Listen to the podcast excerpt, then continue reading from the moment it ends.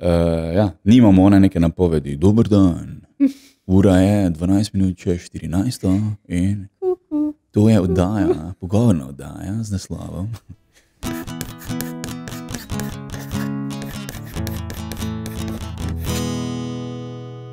Fak, jaz to moram videti.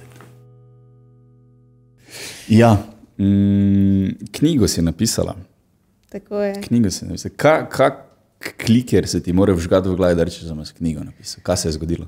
Pa, kaj te vem, meni se zdi, da danes že vsi govorijo, da bi radi knjigo napisali. Ampak, um, To sem eno dobro knjigo bral, v kateri je pisalo ta kvot, da bi, bilo, da bi mogel človek tako živeti, da bi lahko na koncu življenja knjigo napiše. Ne? ja, no, pri meni je bilo tako, da sem, ne vem zakaj, jaz imam od vedno fulorada moške. Mislim, ne samo v seksualnem smislu, ampak Aha. tudi sicer, Si veš, se tako. družila več v moški družbi? Vedno sem se družila s fanti, že v vrtu, pa to ne, in, in ful ste mi pač fajn. Ne? In, um, Hvala, hvala. Tudi Ja, ti si zelo super. Čakaj še. Čakaj, da me začne pikati. Ne, um, in tako se mi je zdelo, pač, ko sem te neke eh, spremljala, pač že zgodbo svojih dveh, ki sta ločena, recimo, ne, a, pa potem zgodbe, zgodbe, ki so se okoli mene dogajale. Pa, naprimer, vem, um, opazila sem, da se me ful dotaknejo zgodbe ljudi, odnosi, predvsem moški, ženske. Mhm. In bolj, ko sem tudi sama zajadrala na to področje življenja, ne, se pravi, ko sem imela te neke fante in potem moške, a, sem v enem trenutku prišla do spoznanja, da pač nekdo more moškim na lep in prijazen način povedati, kako je treba delati z nami, sodobnimi ženskami, ki se smo se spremenile, ki nismo iste kot vaše mame. Mm -hmm. In to je bil en taki ful močni, res močni drive. In je bilo treba si samo čas vzeti, in pol se je zlilo na papir. Okay, okay. To se strinjam, ja, da rabiš um, časih. Sploh jaz jasno, um, malo se čudno čulo, ampak jaz rabim pravno, en mi mora točno povedati, hej, to, kar delaš, je, ni diht. ne, ampak jaz včasih res ne opazim drugih ljudi okoli sebe, ne opazim signalov, ker jaz pač sem v svojem svetu, svoja špura in potem pač, ra, tako se rekla, rabiš um, napotek, kaj, kaj storiti. Ja, v bistvu si v svoji škatli. Ne? Jaz imam Ja. ja. prvo poglavje, ki sem ga napisala, je moške škatle in ženska inštalacija. Ni sicer moja uh, domislica to, to je Mark Gangers izmislil, ki je tudi komik. Uh, pa pastor, to je ful zanimiva kombinacija.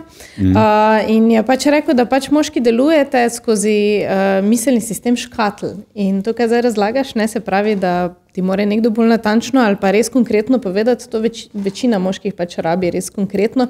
Mi ženske, ki pa manj, imamo inštalacijo, pa ful težko bolj konkretno dajemo navodila, ker nam to pač skozi leti in pol tudi mm. vam tako podajamo informacije. Ne. Ja, reči to pričer, pa komik je ni tako redko. No. Res? Dejansko je bil en najboljših komikov, ko vedno poznam, kako je ime, je bil pričer. On je, v bistvu, ko je bil mali, je padel na glavo in je takrat začel se full recklessly obnašati. Aha. Ampak so bili vsi župniki, protestantski v familiji, in, ampak njemu se je pol v enem momentu, ko je bil že župnik in vse, ima že mislim, tudi familijo, pa bla, bla, bla, se mu je spipalo in re, grem na oder in je tak v dveh, treh letah je bil en, v 80-ih en največji. Vedno poznam, kako kak mu je ime, vedno razlagam to zgodbo, folko sem vedno poznal, kako mu je. Um, ampak ja, mislim, veš kaj, odrsko prezenco imaš, ne? Navajen si že govoriti publikam, znaš jih uh, usmerjati, znaš eh, Pritegniti, zgodbo ja. pravilno povedati v smislu, tako da bo oni vse razumeli in je toliko lažje, ja, ne? Ampak se mi zdi zanimivo, recimo pri stand-up komediji, da, um, da meni je ful dobro, ko zna stand-up komik tudi sporočilo predatne. Se pravi, da ne gre za neke gole vice samo ali pa žoke, uh -huh. ampak da dejansko pač vse skupaj tudi pritisne na, na tiste neke. Ja, da ni smeh za, samo zaradi smeha, ne? Tako, da hočeš še nekaj povedati na koncu. ne. ja, ja. Um, ja, okay. Gremo nazaj na knjigo, zdaj smo spet zajadrali v stand-up. Um, ok, in ti si v enem momentu začutila, da pač je treba nekaj narediti, eh, da je treba neko sporočilo predati, in si pač, ker šla si pisati, in prvo zapiski, in pol prepisi, rokopisi, in tako dalje, kako je izgledalo. Mm, Ja, mislim, tako bi izgledal pravilni pisateljski proces. Ne, Ja. ampak eh, zato jaz pravim pri sebi, da sem intuitivna pisateljica, zato ker um, je ta knjiga res nastala ful intuitivno, ni bilo nekih ful priprav. Jaz sem si sicer napisala, narisala miselni vzorec, kaj želim vse vključiti v knjigo. Mhm. Uh, to pa je tudi maksimalna predpriprava, ki sem jo naredila. Potem sem pa samo rekla si, da, da hočem pač eno poglavje na mesec napisati. Mhm. In to je bil edini, pač nek, edina neka omejitev, ne? ker nisem se hotela preveč omejevati, nisem se hotela preveč, da me ne bi pač tisto kreativo ubilo.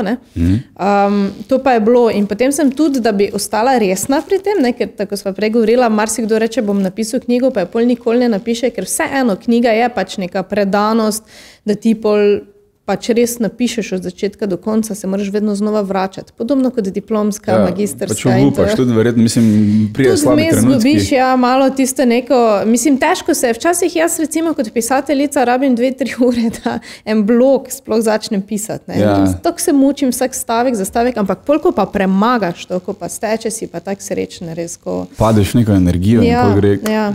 No, in ja. potem sem rekla tudi, da bom imela to disciplino, sem začela pač kar te, ta poglavja kar direkt na blok objavljati. Ne? Se pravi, da sem kao neko zavezo si ustvarila do bralcev že, ne? vsak mesec pride eno poglavje, en, en zapisek na blogu. Mhm. In tako je potem v približno enem letu nastala ta knjiga. No? Ampak sam proces pisanja je bil pa, tako kot sem rekla, zelo intuitiven. Jaz sem imela sam naslov, In potem sem samo pisala in je zlilo se z mene res ta vsebina. Mislim, ljudje so me zelo hitro, potem ko je knjiga išla, spraševali, tudi novinarsko vprašanje. Prvo je bilo, pa odkje ti to, ker sem bila stara 28 let, ko sem to knjigo napisala. Uh mhm. -huh. Odkje ti to vse veš, se ne more taka mlada punca pač vse to vedeti. In pač moj prvi odgovor, ker nisem bila pripravljena, je bil pač tudi, da ne vem. Ne? Nisem uh -huh. zdaj. Mislim, knjiga ne temelji na ful nekih znanstvenih dokazih, na nekih ful mojih raziskavah, ne? ampak je napisana čist po feelingu, pač neko žensko sporočilo moškim. Ja, to, kar bi ti mogoče hodila povedati, nekomu res realnemu tam veni. Ja. Ne, kolegu, ki ima probleme, tako tak naprej, bilo komu si samo dala na papir. Tako, jaz, ko sem pisala, sem si prav, prav dala sem si to v glavo, da mora ta moški, ki bo to bral, pač imeti občutek, da z mano sedi na kavi mm -hmm, in da okay. se pogovarjamo čez življenjske stvari. Cool, cool. uh, Dansko John, Jordan Peterson je na podoben način napisal 12 mm -hmm. uh, Rules for uh, Life. Ta kontroverzna knjiga, bla, bla, bla, ampak on je dansko nek blog delal, ali neki študenti so mu rekli, da je to napiše knjigo in potem sem raztegnil teh 12 poglavij. Tako da podobno. Ne? Ja, sej, uh, imaš različne vrste, recimo pisateljev, pa različne pristope. Meni ful ne funkcionira pristop, kjer bi se ful preveč pripravljala. Uh mhm. -huh. Je pa res, da imam pol težave, ko pišem zgodbe. Zdaj v, v tej knjigi so tudi uh, napisane v bistvu zgodbe iz real life, recimo temu, ali pa primeri, kako bi to izgledalo v praksi. Uh, in to so na nek način kratke zgodbe. Ne? In jaz imam pol problem pri zgodbah, ne, da se ful preveč zapletem, ker se ne pripravim, ne izdelam si liko v glavi, ampak ker pišem. In, mm. in, in je tu potem malo drugače, kot če ti samo pišeš neko, neka spoznanja, neko, neko filozofijo, ne, kjer pač lahko odpreš glavo in pišeš. Ne? In če, če imaš nek talent pisateljski, spraviš to v neko, jaz temu pravim, ješčo obliko. Mm -hmm. um, ampak pri zgodbah pa že moraš biti malo bolj strukturiran, zato da spraviš tisto, ne, pač začetek, spon, vrh in, in ja. zaključek skupaj. Okay, pod vprašanjem malo ven, ampak koliko je za tebe pomembna struktura šablona in koliko je bolj pomembno pač kreativno? Mislim, moje mnenje je, da je pri meni je ful pomembno, da imam urnik in si moram gor vse napisati, kračem pozabone. Pokliči, ne vem, onega, zato pa zato si moram napisati. Jaz moram imeti to, ta okvir, da pol ko vse rešim, sem sproščen in ko se vsedem za pisanje materijala, ne za stand-up, po pa gre, po pa se zlije ven, tako se prej rekla, nekaj naenkrat pride. Ampak jaz res dejansko rajim full, full discipline, ker sam po sebi nisem discipliniran, sem on full si napisati, le, idi laufat, uh, idi ono, le, le, le, le, le, le. moram prav urnik imeti. In pol, ko sem to naredil, je pol to lažje. Kako kak ti to vidiš, pa kako uporabljaš? Jaz v bistvu sem uh, tudi taki človek, eh, čeprav mogoče, ko zdaj govorim, da sem to knjigo intuitivno napisala, ampak glih tak sem si mogla zastaviti, tako sem rekla, pač enem, na mesec mora eno poglavje priti. In mogla sem se prav, um, prav zorganizirati. In živela sem v bistvu na Dunaju, v eni fulmali garsonjeri. Uh mhm. -huh. In uh, za mano, za, v bistvu sem delala kar na jedilni mizi, ne? in potem za mano je bila že kar postelja, ki me je vedno vlekla nazaj. In to je pomenilo, da sem vedno mogla iti ven pisati. Se pravi, sem si mogla najti lokale. Celo nekaj je bilo dokazano, ali nekaj je bilo že neke raziskave, da, da ta šunt, ali kako se reče, oziroma Da lažje delate. Ja, baz v kavarnah, da je zelo produktiven za pisatelje. Ja, ker je podobno to evolucijsko gledano, si vedno bil poleg reke, ki šumi, ali poleg uh Mhm. -huh. gozda, ki šumi, ali poleg slapa, ali ne vem česa.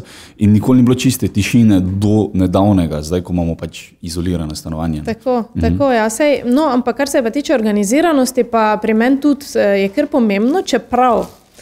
Jaz sem v bistvu pred tremi leti pol tudi rodila ne? uh -huh. in zdaj imam pač tri letnike doma in že v bistvu vsa tri leta ne pridem do tega, zares do tega časa, razen po noči. Ne? Sicer si pol ne prespan, ne? Uh -huh. ampak dokler nimaš otrok, si ful lahko organiziraš eh, življenje, ne? da si pač tiste svoje stvari opraviš in da si pol nekako uh, zorganiziraš ta prostor za pisanje ne, in ustvarjanje. Ne. Ko pa imaš še enkrat otroka, je pa to ful velik izziv. No. Ja, svobode je Da. več, če niš. Ja, mislim, ni, zelo malo je te svobode, pa tudi problem pol pri pisanju, jaz ne vem, kako je to pri tebi. Ampak, če si jaz veš, naredim v torek ob dveh do štirih bom pisala, takrat ne morem pisati. Ker je preveč nasilo, ker je preveč več tako zorganizirano. Ne, ne, ne Ja. morem si prisiliti navdiha v glavo. In meni se ponavadi ta navdih ravno pride zvečer, ne, tako kot pri večini pisateljev. In Ja, eh, ne zvečer jaz ne morem. Je pa res, da jaz nimam pa od dveh do štirih sosedov in zdaj morem. Ne. V bistvu je ponavadi tako, da pišem. Jaz vse druge stvari naredim. Jaz se zjutraj pripravim eh, program za radio, jaz se zjutraj pokličem, kole, koga moram poklicati, moram mail poslati, moram one slike, moram javno. To vse naredim in potem, ok, pa, pa grem v mesto na kafe, pa se usedem, pa se dam liste. Ne. je, Po, pa, okay. pa včasih je tudi tako, veš, da tule noč čutim, da ta punčlina ni v redu. Ali pa sploh ni punčlina, pa bi mogel biti. Ali pa kaj če obrnem to zgodbo. In tudi če ne gre v tistem momentu, imam urnik, kamor si napišem, stran 16, eh, ta pa ta tema, manjka punčlin.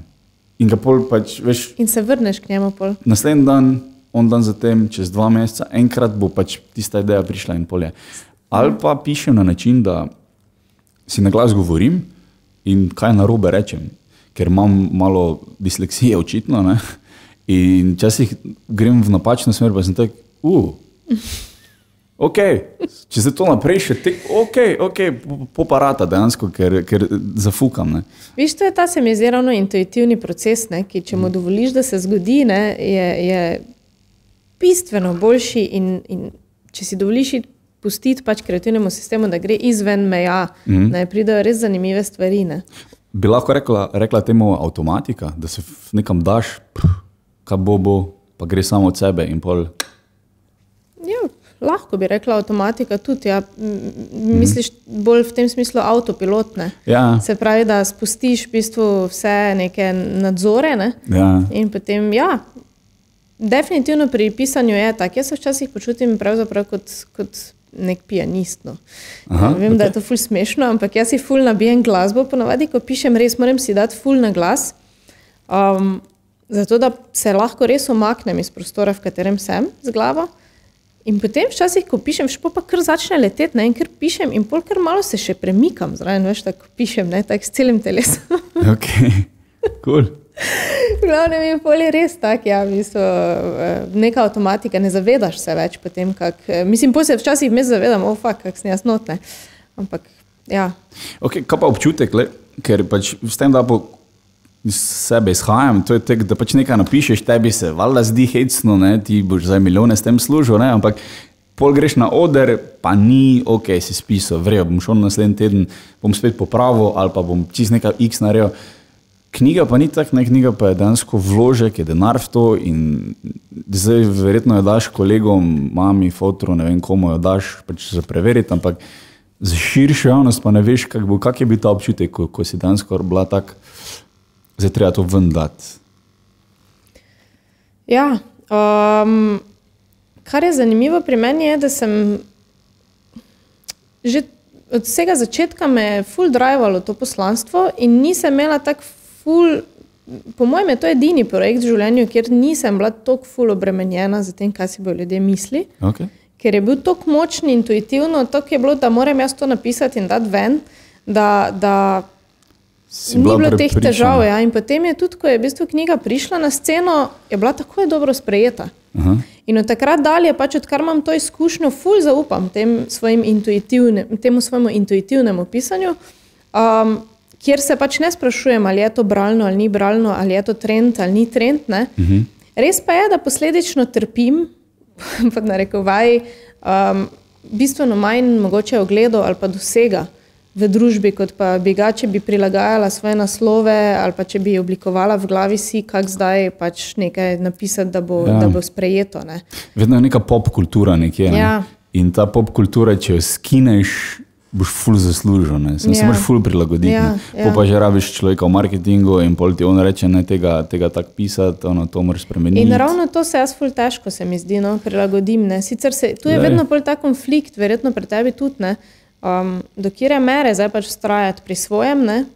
eh, Kje pa se prilagoditi, ne? ker na koncu koncev vsi hočemo eh. živeti od tega. ne. Ja, mislim, stand-up komedija je vedno tak, da pač itak moraš njim ugajati, ne, da si boš smejal. Se moraš najti tudi, ne boš jim ugajati, če nisi ti sproščen, če nisi to, Če kar nisi si. pristen, istočasno, ja. Ne boš, mislim, ne bo ratalo, ne, ker če boš mm. ti bral od perice ali pa od bilo koga drugega material, pa boš ga bral točno tako, bi ga on bral, mislim, povedal, ne, pač bo tako, ne, to ne štima, ne, ti imaš pač narobe, fris imaš za te zadeve, ko jih Ja. govoriš. Ne. Ja. Um, Razen če se s čim ful začutiš. Ne? če si igralec, ne, Ja, ali pa recimo, koga to imam delati. zdaj v mislih. Ne? Oliver Dragojevič. Ne? Ja? Jaz sem mislila, da je on vse komade sam napisal, ker jih je tako dobro od. To, ki jih je pač z neko dušo odpel, recimo, ne, uh -huh. da polko sem šele po njegovi smrti prebrala, da je, ne vem, mislim, da je 99% komadov napisal en drug, ne, uh -huh. sem bila čisto šokirana, ampak eh, Ja, to, eni pravijo, da je to industrija, ne, se pravi, ti moderni pevci, ne, mm. to, kar se zdaj vrti na radiju, nimajo več Duše. svojih. Ja, Ja. Okay. Oni imajo samo. Ne, vem, ne bi rekel, glih duše, ampak oni imajo samo potrebo po nastopanju. Ja, ja, oni so ja, prišli ja. do nekega momenta, ko lahko odpovejo vse, kar hočejo odpeti. Mm. Torej so se že potrudili, le, to jim jaz dam. Ne. Razen kakšni oni reperi, ko so kaže, mumble reperi, ko več kaj je to. To, to, to sem pa prestar, oprosti. da To bi je glih zdaj, ko omenjaš, ker sem ravno zadnjič bila na Open Micu od desetke in je pižama ravno ta jok me, oziroma pač o tem je razlagal, pač, eh, da je tudi on prestar. Tudi Ja, jaz, ja. jaz ne vem, če sem sploh naletela že na to, ampak ko je Jaz sem- razlagal, se mi zdi, da bi se isto počutila kot vidva. B- Videl sem en video, ko je ena, ko je pač eh, real estate agent, no, nepremičninski agenti, uh -huh. je pač prodajala enemu to, ne, mumble rapper, neko stanovanje, full veliko, ker je on full uspešen. Pa do mene od nas ne ve, kdo je, ampak on je full uspešen. In ga ni nič razumela, ker je. Ja, ja, ja. Uh, ja, ampak da se vrnem. Pač ja, imaš pa ljudi, ki, ki ne znajo pet, ampak bojo super komat napisali. Mm -hmm. Veš, in zdaj vala njemu dam nekaj beg, ker hočem njegov komat pet. Zakaj pa ne, zakaj bi se ne pomagali? Ne? Sicer je pol čudno, ker pač piše Robbie Williams, ne? uh, v resnici pa je on samo odpel. Mm -hmm. Včasih je tudi tako, da je, ne vem, da je en Schlossling ali kak je že ona, ko je full vsem. Ona je full songwriterca v Veliki Britaniji in piše, da ste skupaj napisali. V resnici je ona spisala, ne? on pa je pač pol si prilagodil, sta se enkrat sedla s kitaro, Ja, ja, pa sta tako naredila. Vse pri knjigah imaš tudi to, ne imaš te ghostwriting, oziroma Ghostwriting, ko so pač neka imena in potem piše to na veliko, pa, pa z malim piše še, še tistega, ki je dejansko napisal knjigo, ker ima bolj pisateljski talent, nima pa mogoče vsebine. Ne? Ja. ja, mislim, to je tudi ena od stvari, ko, ko moraš res slabo napisano knjigo prebrati, da vidiš, kaj to je. Ne moreš, se moreš koncentrirati, ker je tako te mede in meče ven iz uh, fokusa in si tekmo na kaj. Sploh prevodi so enkrat, so včasih tako slabi, da iz angleščine prevajajo eno besedo v dve različne slovenske besede. In te Ja. full mede to. Ne?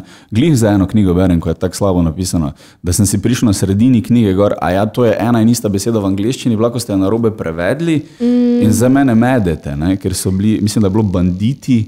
Pa ne teroristi, ampak nekaj takega. Ampak si. To s prevodi je v bistvu ful problem. Ja. Tudi za slovenskega pisatelja, ker zdaj, gledaj, jaz naprimer, uh, sem za slovenščino omejena na ful mali trg. ne. Mhm. Če pa hočem knjigo spraviti v tujino, sem pa odvisna od prevoda in prevajalca. In tuj folk bo mene kot pisateljico spoznal po prevodu, nikoli mm -hmm. po originalu. In mm -hmm. prevod, da ga dobiš tako dobrega, kot je original, mislim, to se mora toliko stvari poklopiti. Meni ne more knjige prevajati nekdo, ki drugače prevaja akademske ne vem, -hmm. članke ali pa navodila za hladilnik. Pač to ja. ni isto. Ne?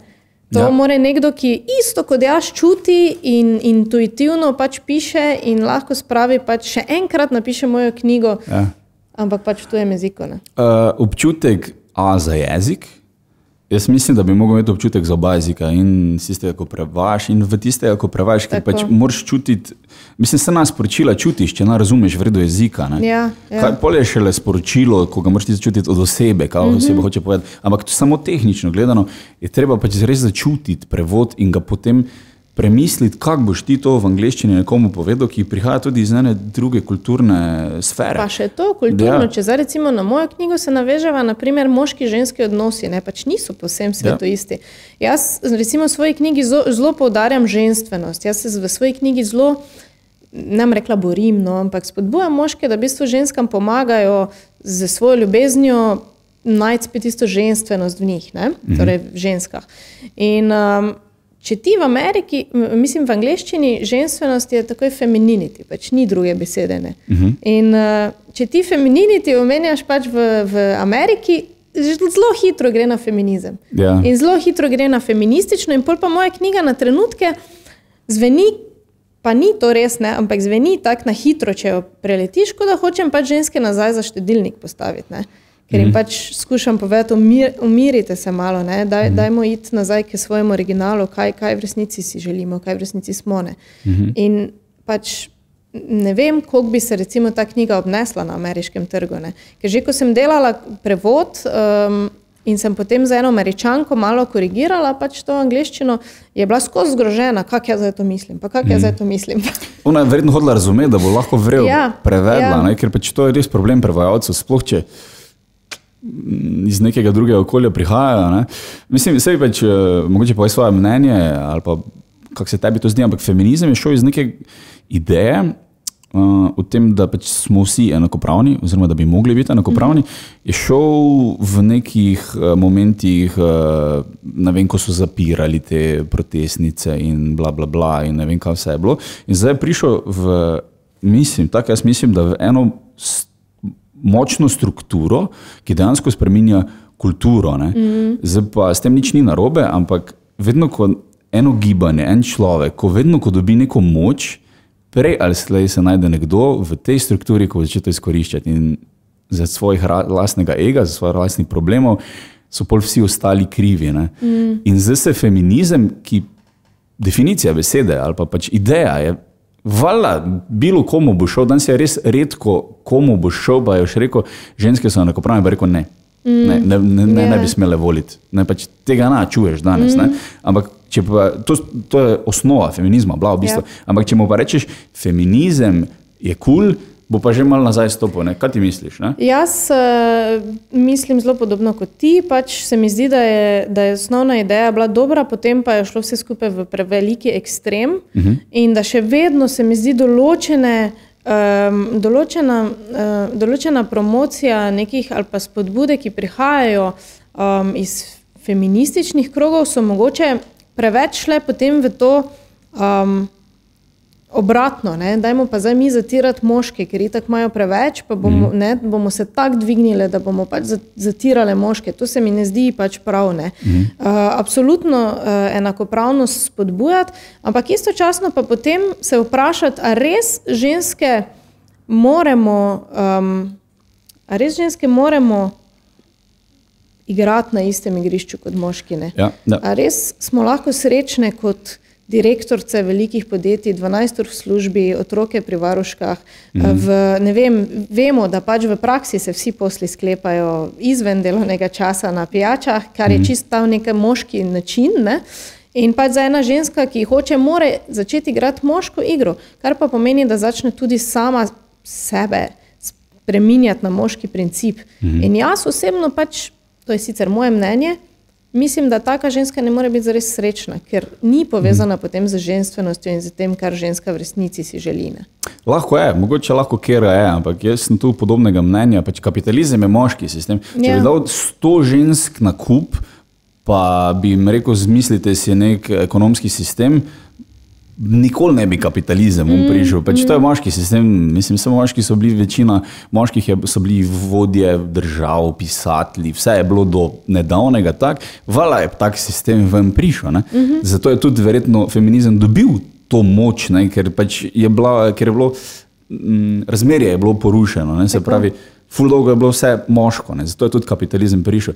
Zdaj, če bi šli mi moški ne, v neko na žensko igrišče špilat, nam bi bilo tudi težje. Ne? Avtomatsko bi ti bilo težje, ker ne razumeš enih stvari in jih tudi po svoje razmišljaš in v svoji glavi drugače vidiš stvari, kot pa tam v resnici so. In ja, točno tako si rekla, pač težje je. Jaz lahko verjamem, stoprocentno, da je ena čist sposobna biti direktorica in to vse handlati in vse kul. Cool. In tak primer je naprimer Gary V. Mm -hmm. On pravi, jaz nikoli ne grem na dopust, jaz nikoli ne grem. In pol imaš toliko pa toliko followerjev, ko so ful pod stresom, ker mislijo, da mora biti isti kot on. Ja, Se pravi, jaz ne smem biti.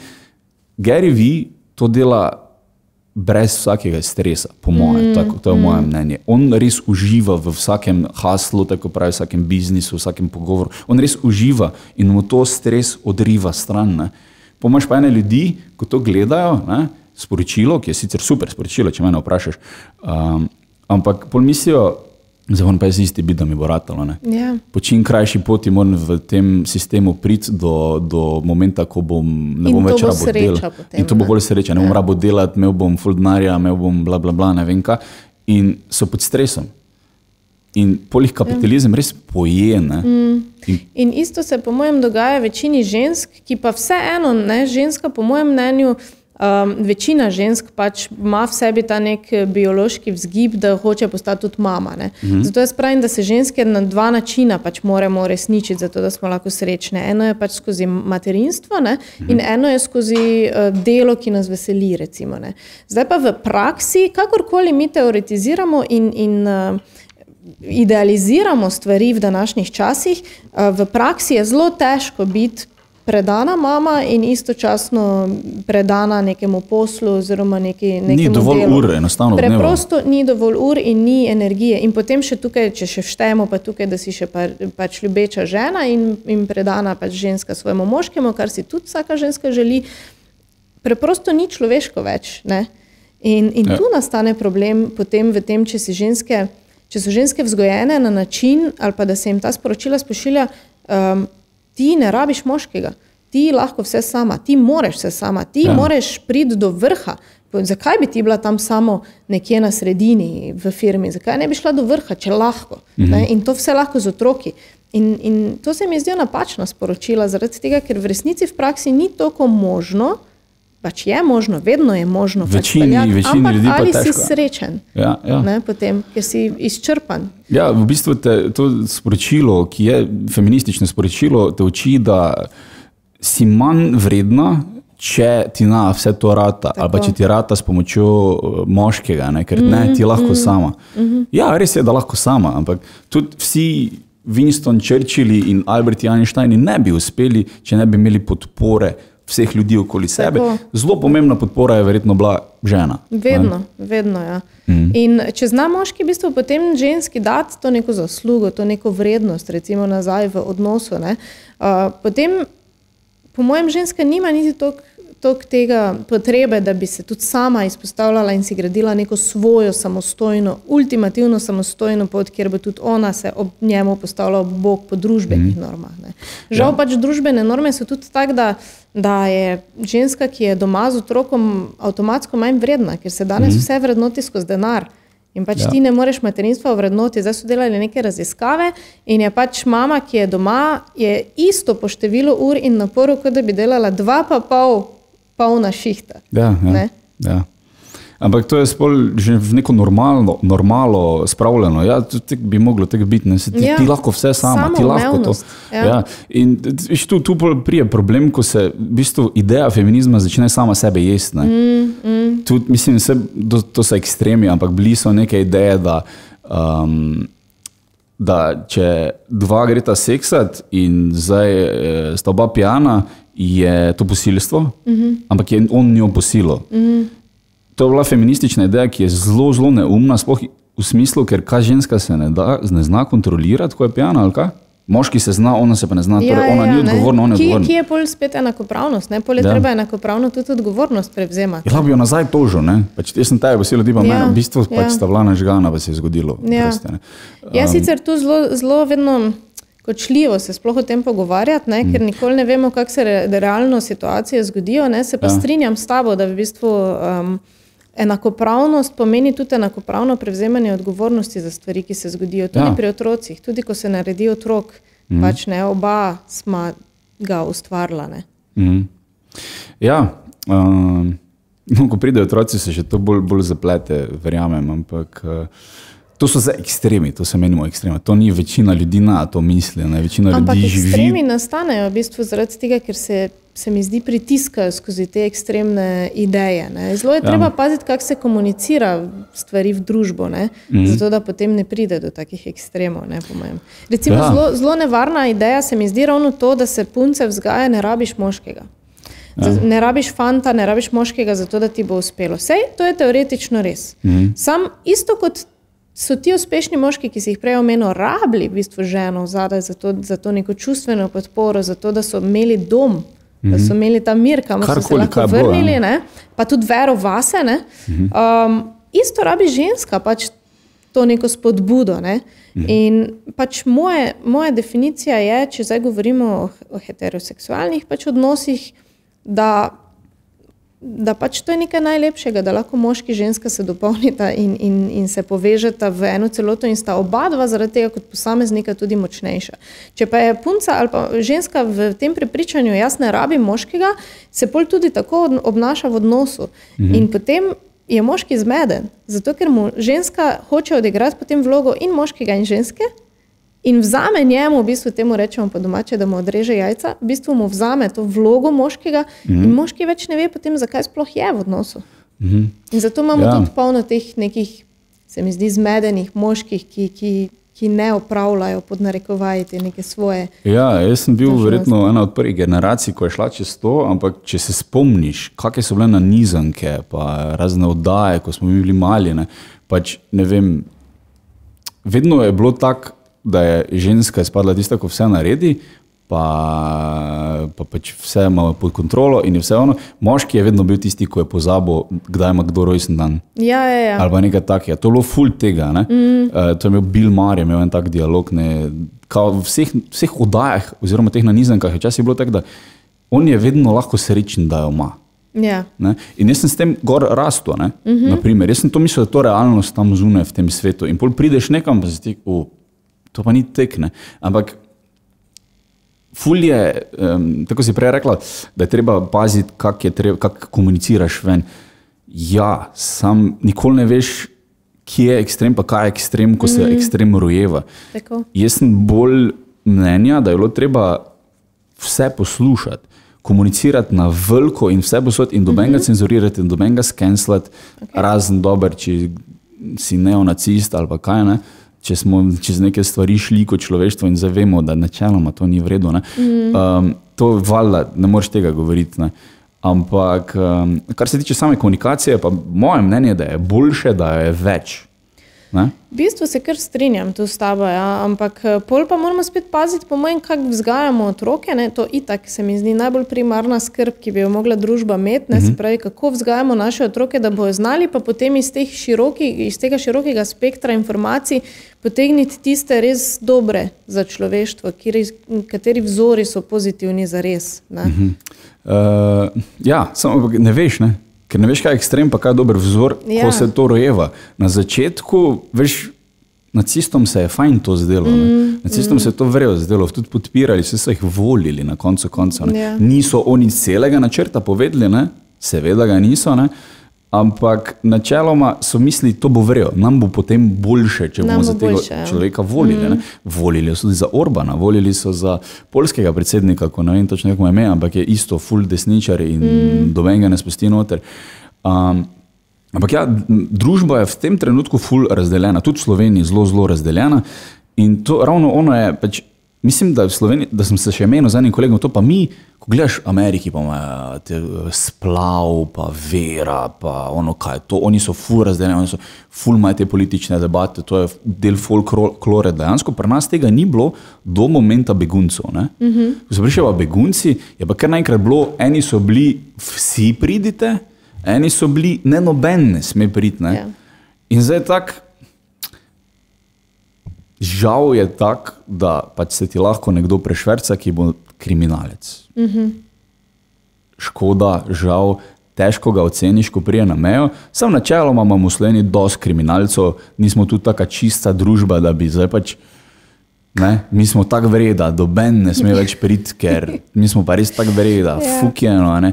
In pol je bilo seveda, da je neki begunc eno posilo, kar je hudo, kar je zdaj zaznamovalo to žensko do konca življenja. Mm. Um, ampak načeloma je 300 posilstev v Sloveniji prijavljenih, bilo tisto leto. da škoda je, ampak kako velika škoda je proti vsem ostalim. Ne. Jaz, ful ne bi rad, da bilo koga posilijo, mm -hmm. jaz res ne privoščim tega nobenemu, jaz bi res rad imel neko um, šablono, s katero bi človeka ocenil, kaj bo on v prihodnje naredil. Ampak tega ni. Ne. Ampak glih na tej točki smo se kot narod ful razklali prvič. Mm. In zdaj smo se še bolj. Ne. In jaz mislim, da je to glih zaradi tega, ker ni komunikacije proste. Ne.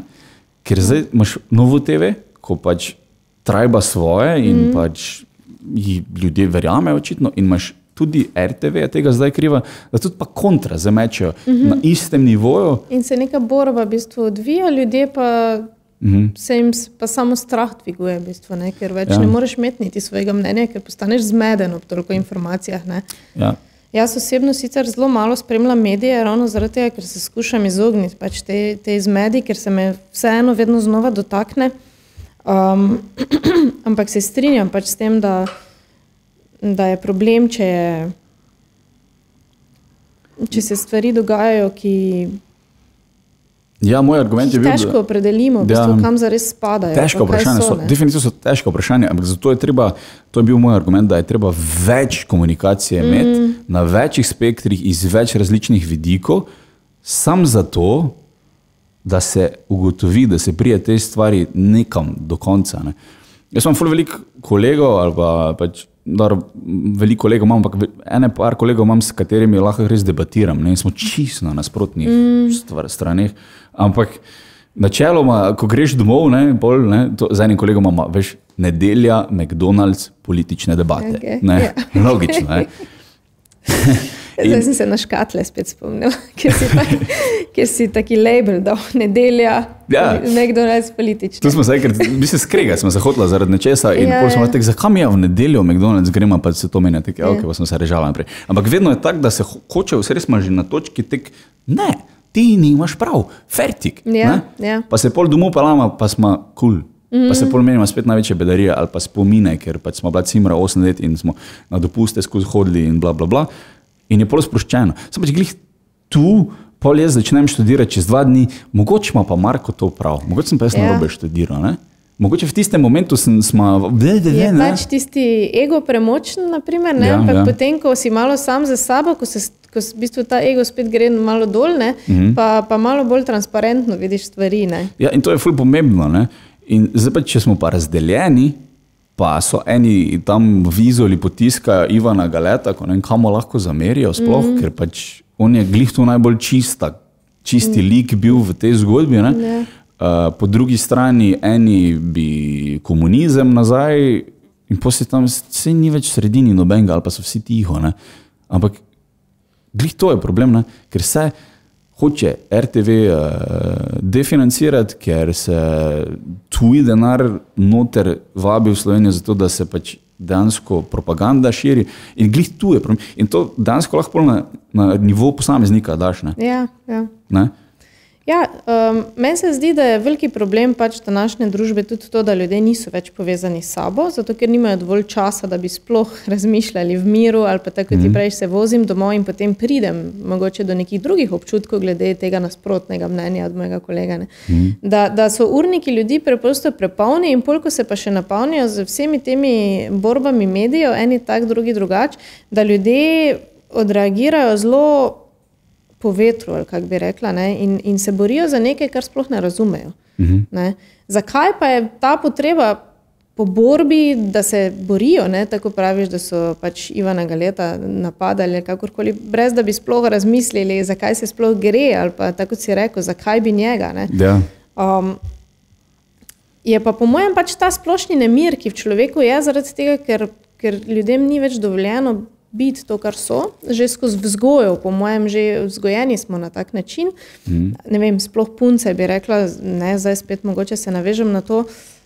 Da se punce vzgaja drugače kot fante, pri obojnih se dela pač napake, ne? pri obojnih se oddaljuje. Pač po eni strani govorimo, bodi to, kar si, po drugi strani pa cel čas nabijamo, da pač vedno si lahko lepša, vedno si lahko bolj pametna. Ali pa pri Ja. moškem tudi ne, vedno lahko zaslužiš več, mm. vedno si lahko boljši športnik, bo- boljše zgledaš. Ne? Vse to. In s tem sporočamo cel čas, da takšen kot si nisi ok. Mm. In, in to človeka dela v bistvu v sebi nervoznega. Ne, to je ta osnovni problem, se mi zdi, današnjega človeka, da v bistvu ne sme biti v družbi to, kar je, oziroma vse prepričanje, da ne sme biti, to ga dela nemirnega in potem pač eksplodira na stvarih, ki sploh niso v bistvu povezane s tem. ja. Vem, delam na radio, včasih kdo pokliče. Čist neke stvari, ko, ko se ga sploh ne tičejo. Ampak Ja. ja. uh, on zaradi tega, popi- ja, ne, zdaj se mu je nalagalo, ampak on nas pokliče. Pa, To ste tako zafukali, da Tako. no, je nenormalno. Ja, Zdaj, o, jaz ja. imam zdaj manjšo plačo, on tam poslušalec ima manjšo plačo pri eni drugi firmi, ker smo mi nekaj zafukali. veš.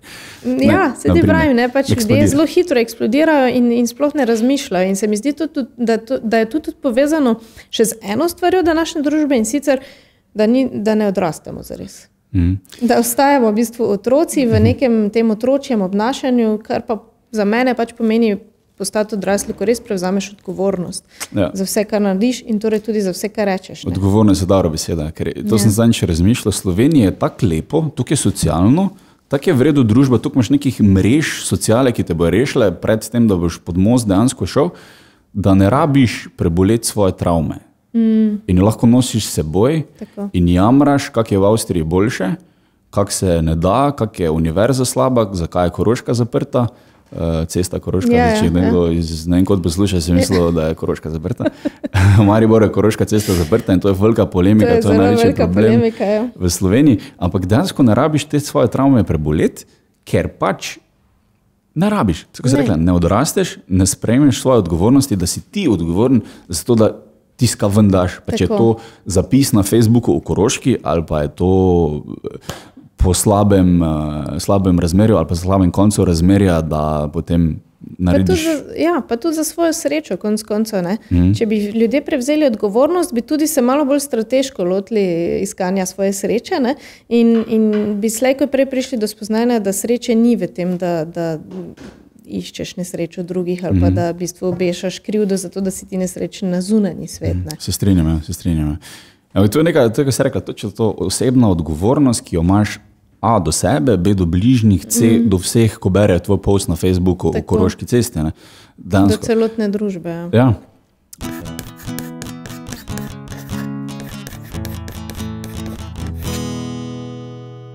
Fak, jaz to moram videti.